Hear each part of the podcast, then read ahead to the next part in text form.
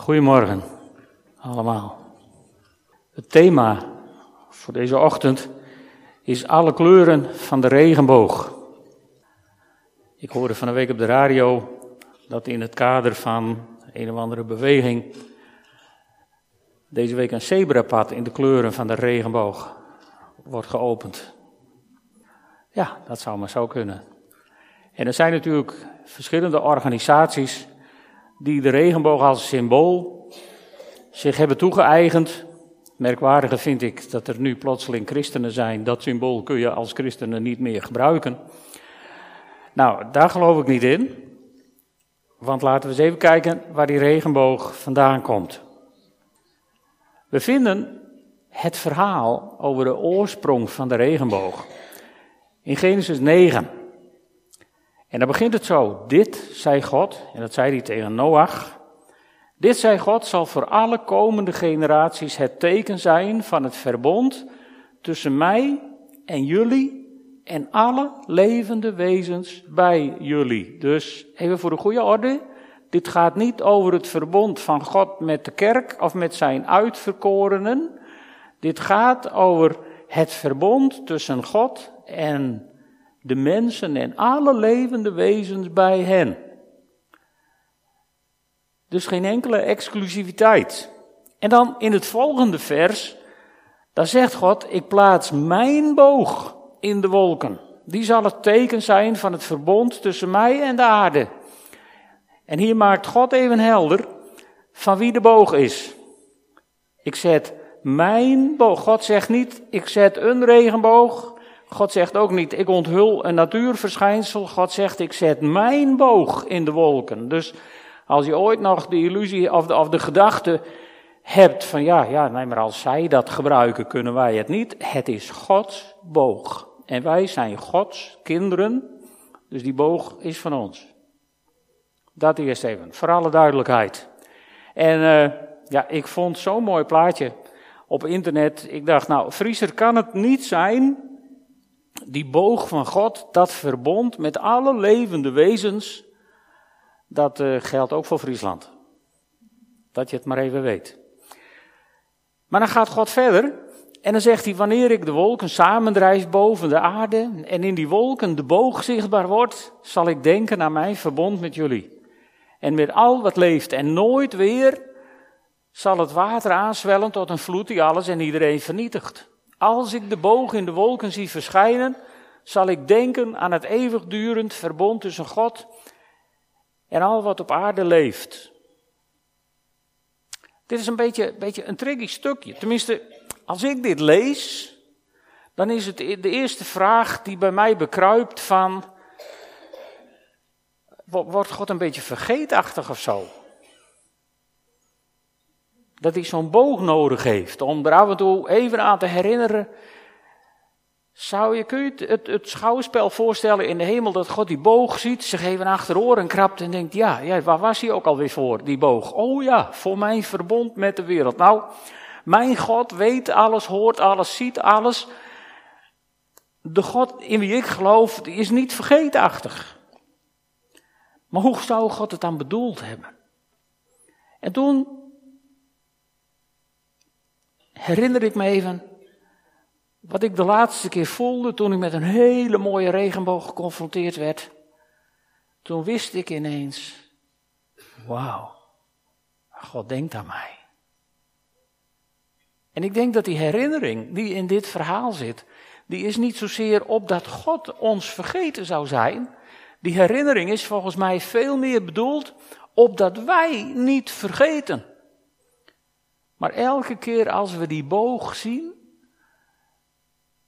dan zouden we daar even bij stil mogen staan. Wauw, ja, zo is het. God denkt aan mij. God heeft een verbond met mij. God heeft beloofd dat niets uit zijn hand zal vallen, dat ik niets meer verloren zal gaan. God heeft beloofd. En, en ik hoop dat je, dat je daaraan wilt denken als je de volgende keer weer een regenboog ziet weer geconfronteerd wordt met dit prachtige, buitengewone natuurverschijnsel. En dat je je even weer herinnert, oh ja, God denkt aan mij. God denkt aan mij. Ik ben nooit uit zijn gedachten. God denkt aan mij. Daarnaast is die regenboog een prachtig voorbeeld van de veelkleurigheid in Gods schepping. Maar als je een beetje nadere studie maakt van de regenboog, is het ook een beeld van onze beperking. Toen Isaac Newton, een natuurkundige van twee eeuwen geleden of zo, toen hij een bundel licht door een prisma liet schijnen, toen kreeg hij ongeveer dit verschijnsel. Toen zag hij die verschillende kleuren. En misschien herinner je je die nog wel van natuurkundelessen op school. Als een leraar zo'n lichtje door dat prisma liet schijnen, dan zag je al die kleuren.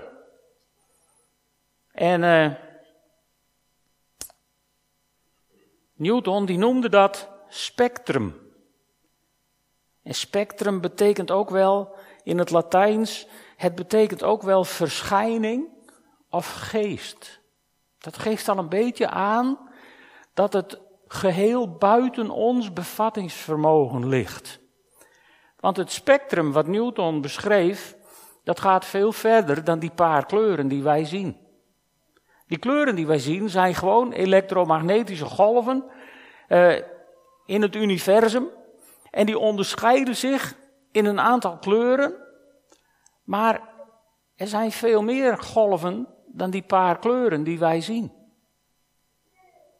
Daar moest ik aan denken toen ik bezig was met de voorbereiding voor deze dag. Er is meer dan het zichtbare.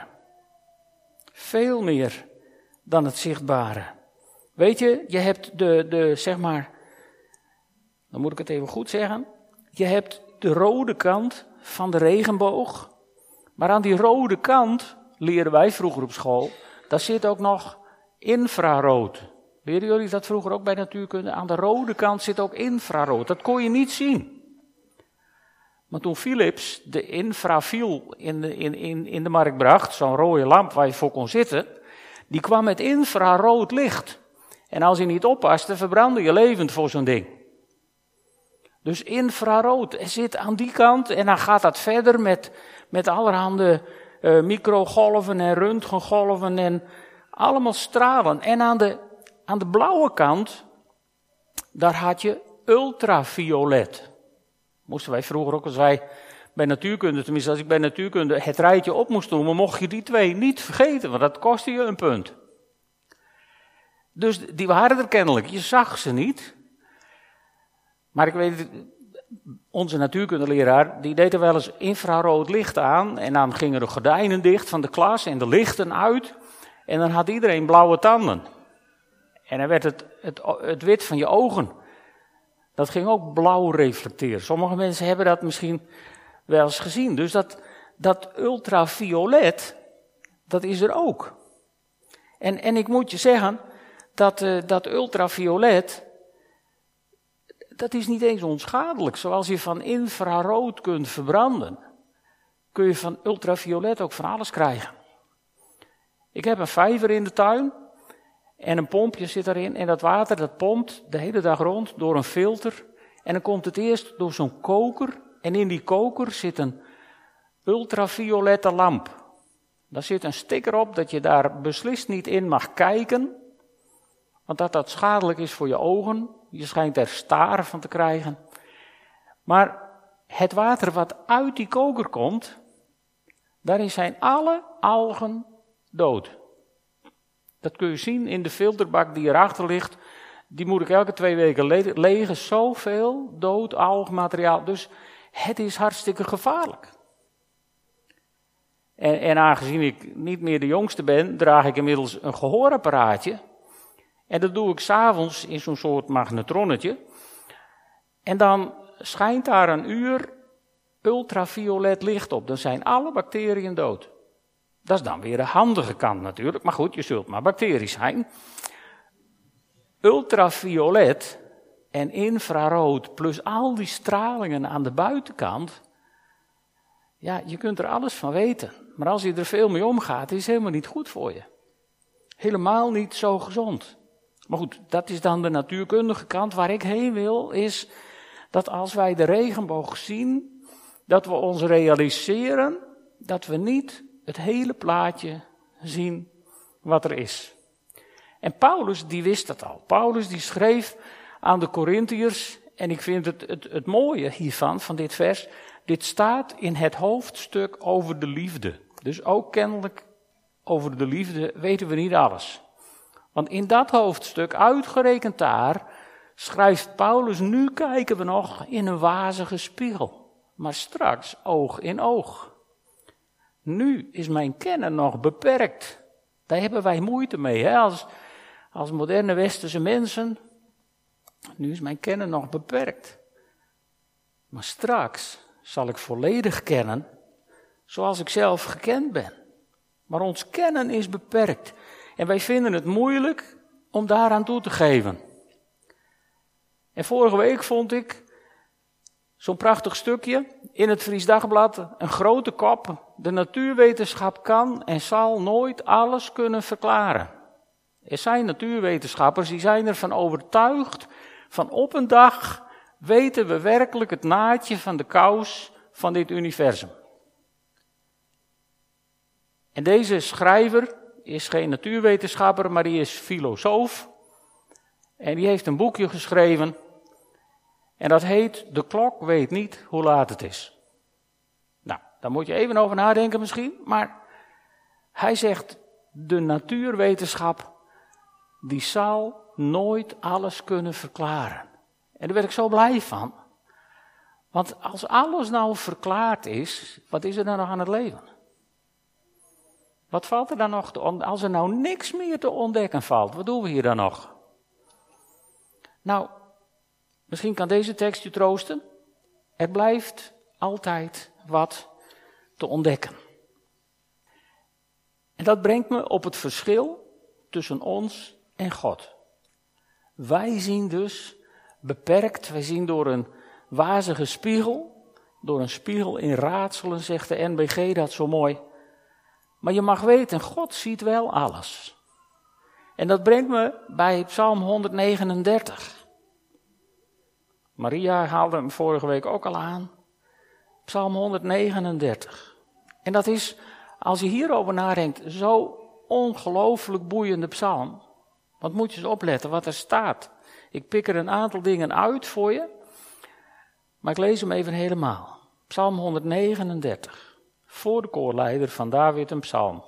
Heer, u kent mij, u doorgrondt mij. Eigenlijk betekent dit van u kijkt door me heen. Hè? Dus God kijkt ook in röntgen, golflengtes. Anders kijkt hij niet door je heen. God zit in het hele spectrum. U weet het, als ik zit of sta, u doorziet van verre mijn gedachten. Moet je even over nadenken. U, voorziet, u doorziet van verre mijn gedachten. Dat kan een CT-scan niet, dat kan een PET-scan niet, dat kan zo'n uh, zo'n EEG wat ze dan maken van je hoofd. Ja, die ziet wel golven, maar die dokter kan aan die golven niet zien waar jij aan lag te denken op het moment dat hij die dingen op je hoofd plakte. Dit kan niemand. En God doorziet van verre mijn gedachten. Ga ik op weg of rust ik uit? U merkt het op. Met al mijn wegen bent u vertrouwd. Geen woord ligt op mijn tong, of u hier kent het ten volle. U omsluit mij van achteren en van voren. U legt uw hand op mij. Wonderlijk zoals u mij kent. Het gaat mijn begrip te boven. Dit is weer zo'n moeilijk zinnetje in de Bijbel voor moderne westerlingen. Het gaat mijn begrip te boven. Dat zeggen mensen niet gauw meer. Hè? Als je tegenwoordig voor de televisie ziet als een politicus een vraag krijgt voorgelegd, dan verzint hij een antwoord. Je zou het heel plat kunnen zeggen, maar goed, hij, hij praat zich eruit. Op een of andere manier. Of het nou klopt of niet. En soms is het veel slimmer om te zeggen, joh, dat weet ik niet. Soms is het veel slimmer om geen antwoord te geven, dan om wel een antwoord te geven. Gisteren had ik een gesprekje met iemand en toen hadden we het even over hoe verschillend we waren. Ze zei, jij blijft altijd zo rustig. Ja, ik zei, dat is de buitenkant. En, en, ja, ze zei, ik ben zo'n flap uit. Ik heb altijd meteen een antwoord klaar. Toen zei ik tegen haar, daar ben ik wel eens jaloers op. Want ik ben een beetje secundair reagerend. Ik kom vaak uit de vergadering en dan weet ik thuis wat ik daar eigenlijk had moeten zeggen. Ja.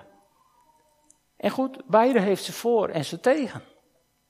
De flap uit heeft soms iets geroepen waarvan je later denkt, dat was niet handig dat ik dat heb geroepen.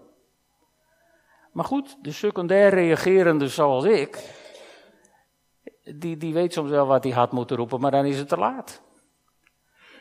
Het heeft allebei wel wat, maar goed, het gaat mijn begrip te boven, dat is iets, dat zouden we ons als mens in alle bescheidenheid wel wat eigener mogen maken. Waarom zo eigenwijs tegenover God, maar vooral ook zo eigenwijs naar elkaar?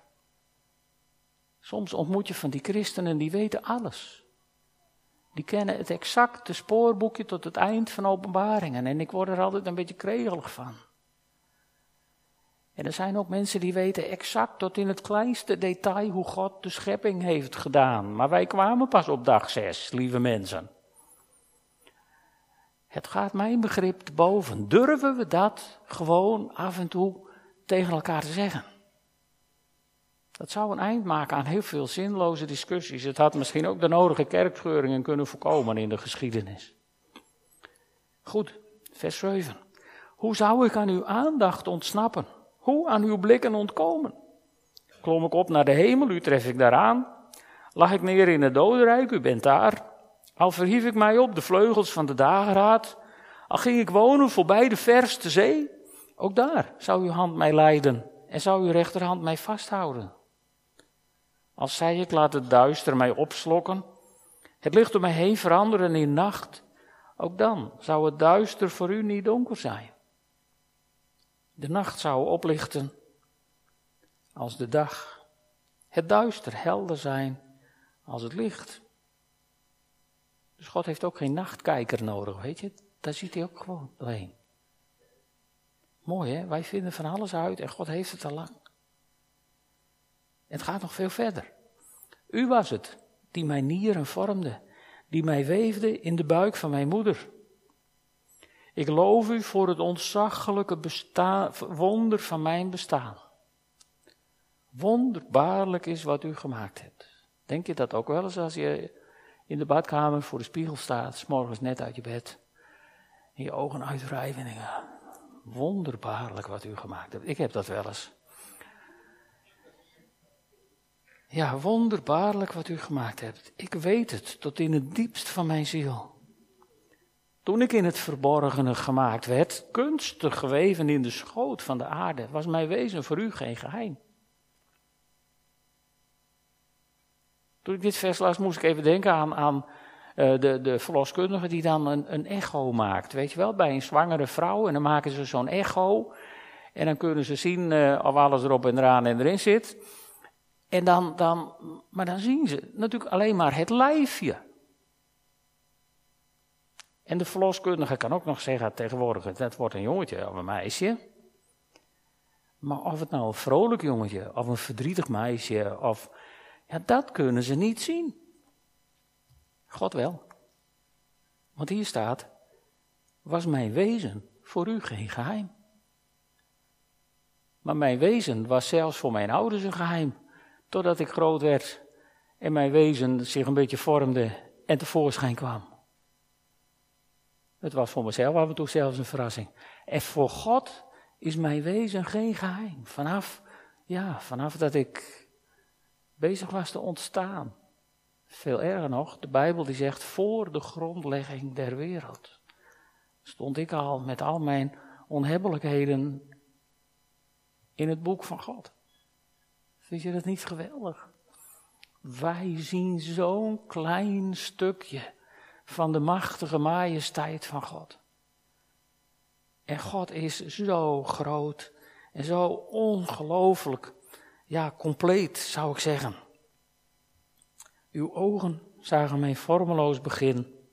Alles werd in uw boek al opgetekend, Aan de dagen van mijn bestaan ontbrak niet één. Voor die boekrol overigens hoef je niet bang te zijn. Hè?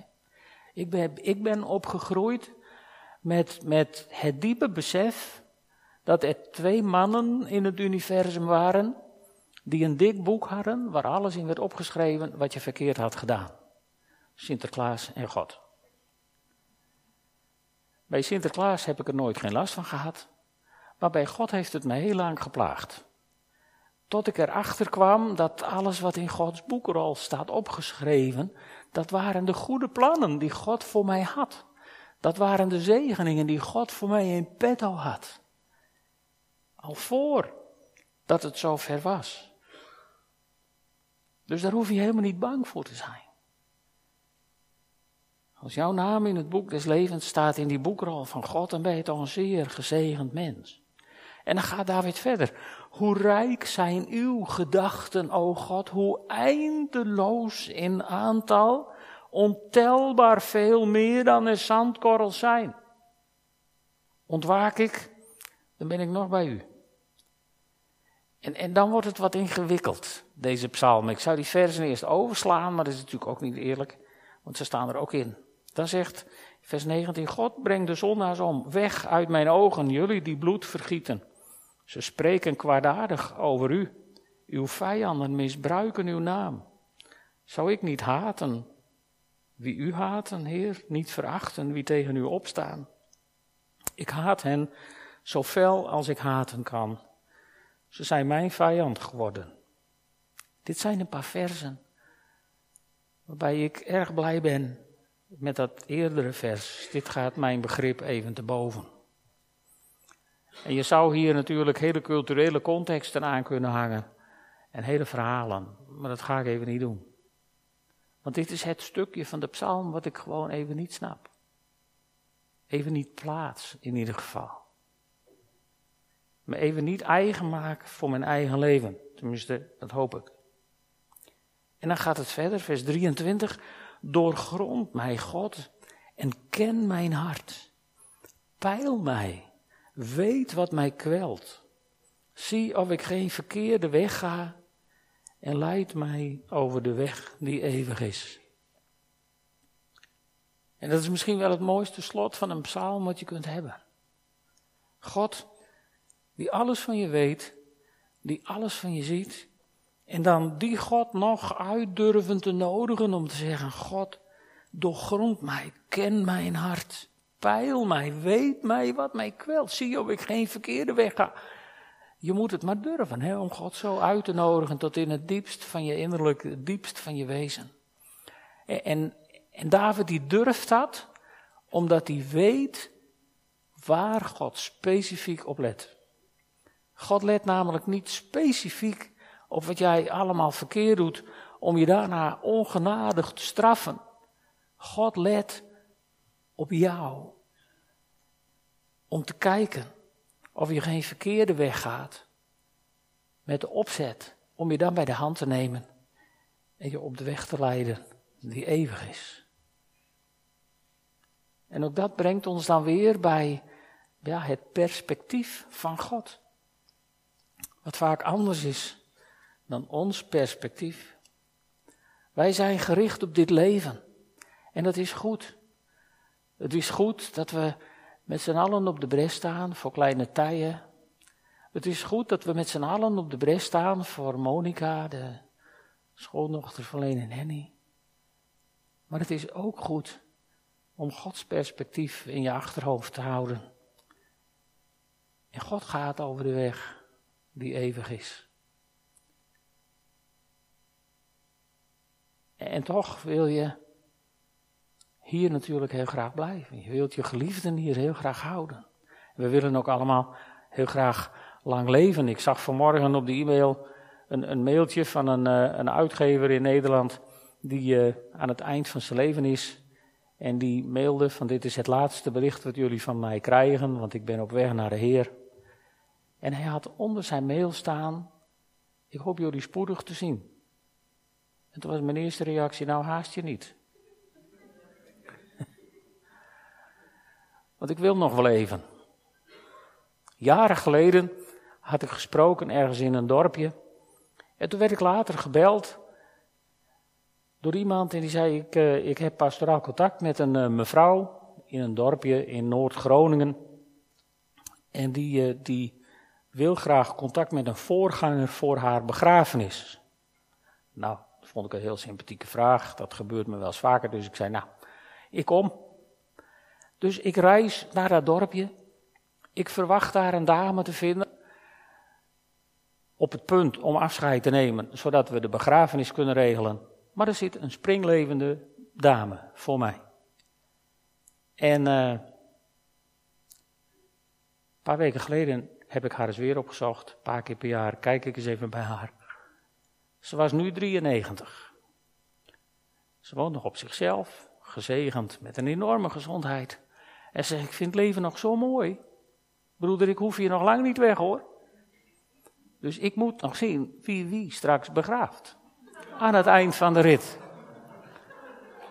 Maar ik hou van zulke mensen die, die, die gewoon de moed erin houden, die s'morgens uitgebreid met God beginnen. En met iedereen die ze tegenkomen, praten over de Heer en zeggen: joh, met de Heer is het leven zo mooi. En ik ga straks naar hem toe, maar laat me hier nog maar een poosje. Ik heb eens gehoord dat Corrie ten Boom dat ook zei. Maar we hebben straks een eeuwigheid bij God, dus die paar jaar extra hier gaat God niet missen.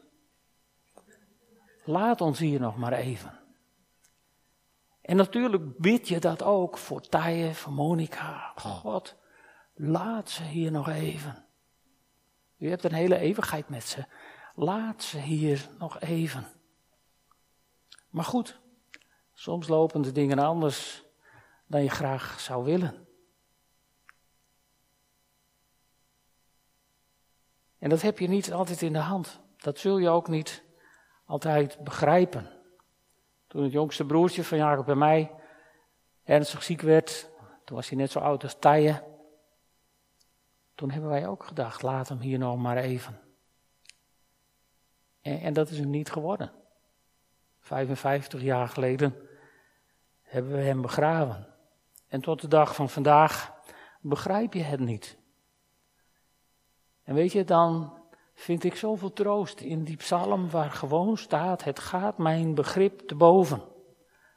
En ik vind hem in de NBG-vertaling eigenlijk nog veel mooier staan. In de NBG staat: Het begrijpen is mij te wonderbaar, te verheven. Ik kan er niet bij. Ik kan er niet bij. En weet je, ik, ik wil jullie uitdagen om, om te beseffen dat het kleurrijke koninkrijk van God veel rijker is dan wij kunnen beseffen. En als we, als we daarmee leren leven, met die veelkleurigheid van God, en, en, en accepteren dat we het niet helemaal zullen begrijpen, dan behoudt God zijn mysteriositeit. En als God zijn mysteriositeit mag houden, mag jij je verwondering houden. En er is niks mooier, heb ik ontdekt, dan een leven in verwondering over wie God is, over wat Hij doet, over die onzichtbare kracht van de Heilige Geest die ons troost in alle situaties. Die verwondering over dat wonder van brood en wijn als je avondmaal met elkaar viert. En laten we heel eerlijk naar elkaar zijn. Wat zou eraan zijn zonder die verwondering? Wat zouden we overhouden als we de verwondering in de majesteit van God kwijtraken? Als de wetenschap het naadje van de kous zou ontdekken. Het zou de wereld zo saai maken, lieve mensen. Dus laten we die verwondering vasthouden. Laten we die verwondering ook aan elkaar gunnen. Ook als het gaat om discussies over zaken waar we het niet over eens zijn. Weet je, je kunt, je kunt het oneens zijn over honderdduizend dingen in de Bijbel. Er zijn ook honderden kerkscheuringen over ontstaan en, en, en, en mensen op de brandstapel gezet en weet ik wat allemaal. Omdat we allemaal menen de waarheid in pacht te hebben. Nou, ik wil je vandaag één onthutsende boodschap meegeven. Jij hebt de waarheid niet in pacht. En ik ook niet. Dus, erger je niet aan elkaar. Verwonder je slechts. Houd je verwondering vast. In die grote God. Die in de nacht waarin hij verraden werd. Een brood nam en dat omhoog hield voor zijn verbijsterde discipelen. En hij zei, dit is mijn lichaam. Ik beloof je dat die jongens zich hebben verwonderd. Van wat krijgen we nu? En toen brak hij het brood. En toen zei hij, dit is mijn lichaam wat voor jullie gegeven wordt. Neem en eet allemaal hiervan. En doe dat tot mijn gedachtenis, om mij te herinneren. En na de maaltijd, staat er zo mooi in de Bijbel, nam Jezus een beker. En hij zei, deze beker bevat het bloed van een nieuw verbond. En die discipelen zich maar verwonderen. En hij zei, neem en drink allemaal hieruit. Doe dit tot mijn gedachtenis. Want in het brood en in het bloed in de wijn is kracht. We zingen dat zo mooi, er is kracht in het bloed van het lam, maar het is ook in het brood. En ik beloof je dat die discipelen op die eerste dag, waarop ze dat avondmaal vieren, het niet hebben begrepen. Want dan waren ze niet zo verbaasd geweest als Jezus weer opstond uit de dood. Dan hadden ze het gekend. Ze hebben het niet gesnapt. En waarschijnlijk hebben ze gedacht, het begrijpen is mij te wonderbaar. Te verheven. Ik kan er niet bij. Maar ze aten van het brood en ze dronken uit de beker. En daar ontmoetten ze een Jezus die ze tot voor die tijd niet kenden. En zo wil ik je uitnodigen om avondmaal te vieren. Met ons als gemeente, ook als je hier te gast bent. En ook als je denkt, nou het begrijpen is me nog een beetje te wonderbaar, ik kan er niet bij. Je hoeft het niet te snappen. Maar als je nieuwsgierig bent geworden naar die ontmoeting met deze Jezus, dan nodig ik je uit om te komen proeven van de goedheid van God. En geloof daarbij één ding, er is kracht in het bloed van het lam. Mag ik jullie vragen op te staan? Dan gaan we bidden. Heer God, hoe wonderbaar bent u. Hoe groot zijt gij. Hoe ver gaat u ons begrijpen te boven. Heer, wat is het machtig dat u ons dan niet afwijst om ons beperkt te kennen, maar dat u ons omarmt, dat u ons lief hebt, dat u van ons houdt, dat u uw zoon gaf om ons met u te verzoenen. En Heer God, laten we zo avondmaal vieren in die verwondering. In die verwondering. En daardoor zegen ik het brood en zegen ik de wijn. In de naam van de Vader, in de naam van de Zoon, in de naam van de Heilige Geest. Amen. Mag even gaan zitten. Het brood wordt bij u langsgebracht in de rijen. De bedoeling is dat we dat even vasthouden, zodat we gezamenlijk dat gaan eten. En daarna zullen hier twee mensen zijn die wijn aanreiken of druivensap, als u dat liever heeft of geen wijn mag. Dus dan mag u even in de benen. En tijdens de viering van het avondmaal is er straks ook gelegenheid om achter in de zaal voor u te laten bidden. En er is natuurlijk ook gelegenheid om, mits niet te luid, zodat de bidders eh, zich verstaanbaar kunnen maken, om mee God te aanbidden met de band hier op het podium. Dus het avondmaal is primair een tijd van aanbidding. Ik wens u veel verwondering.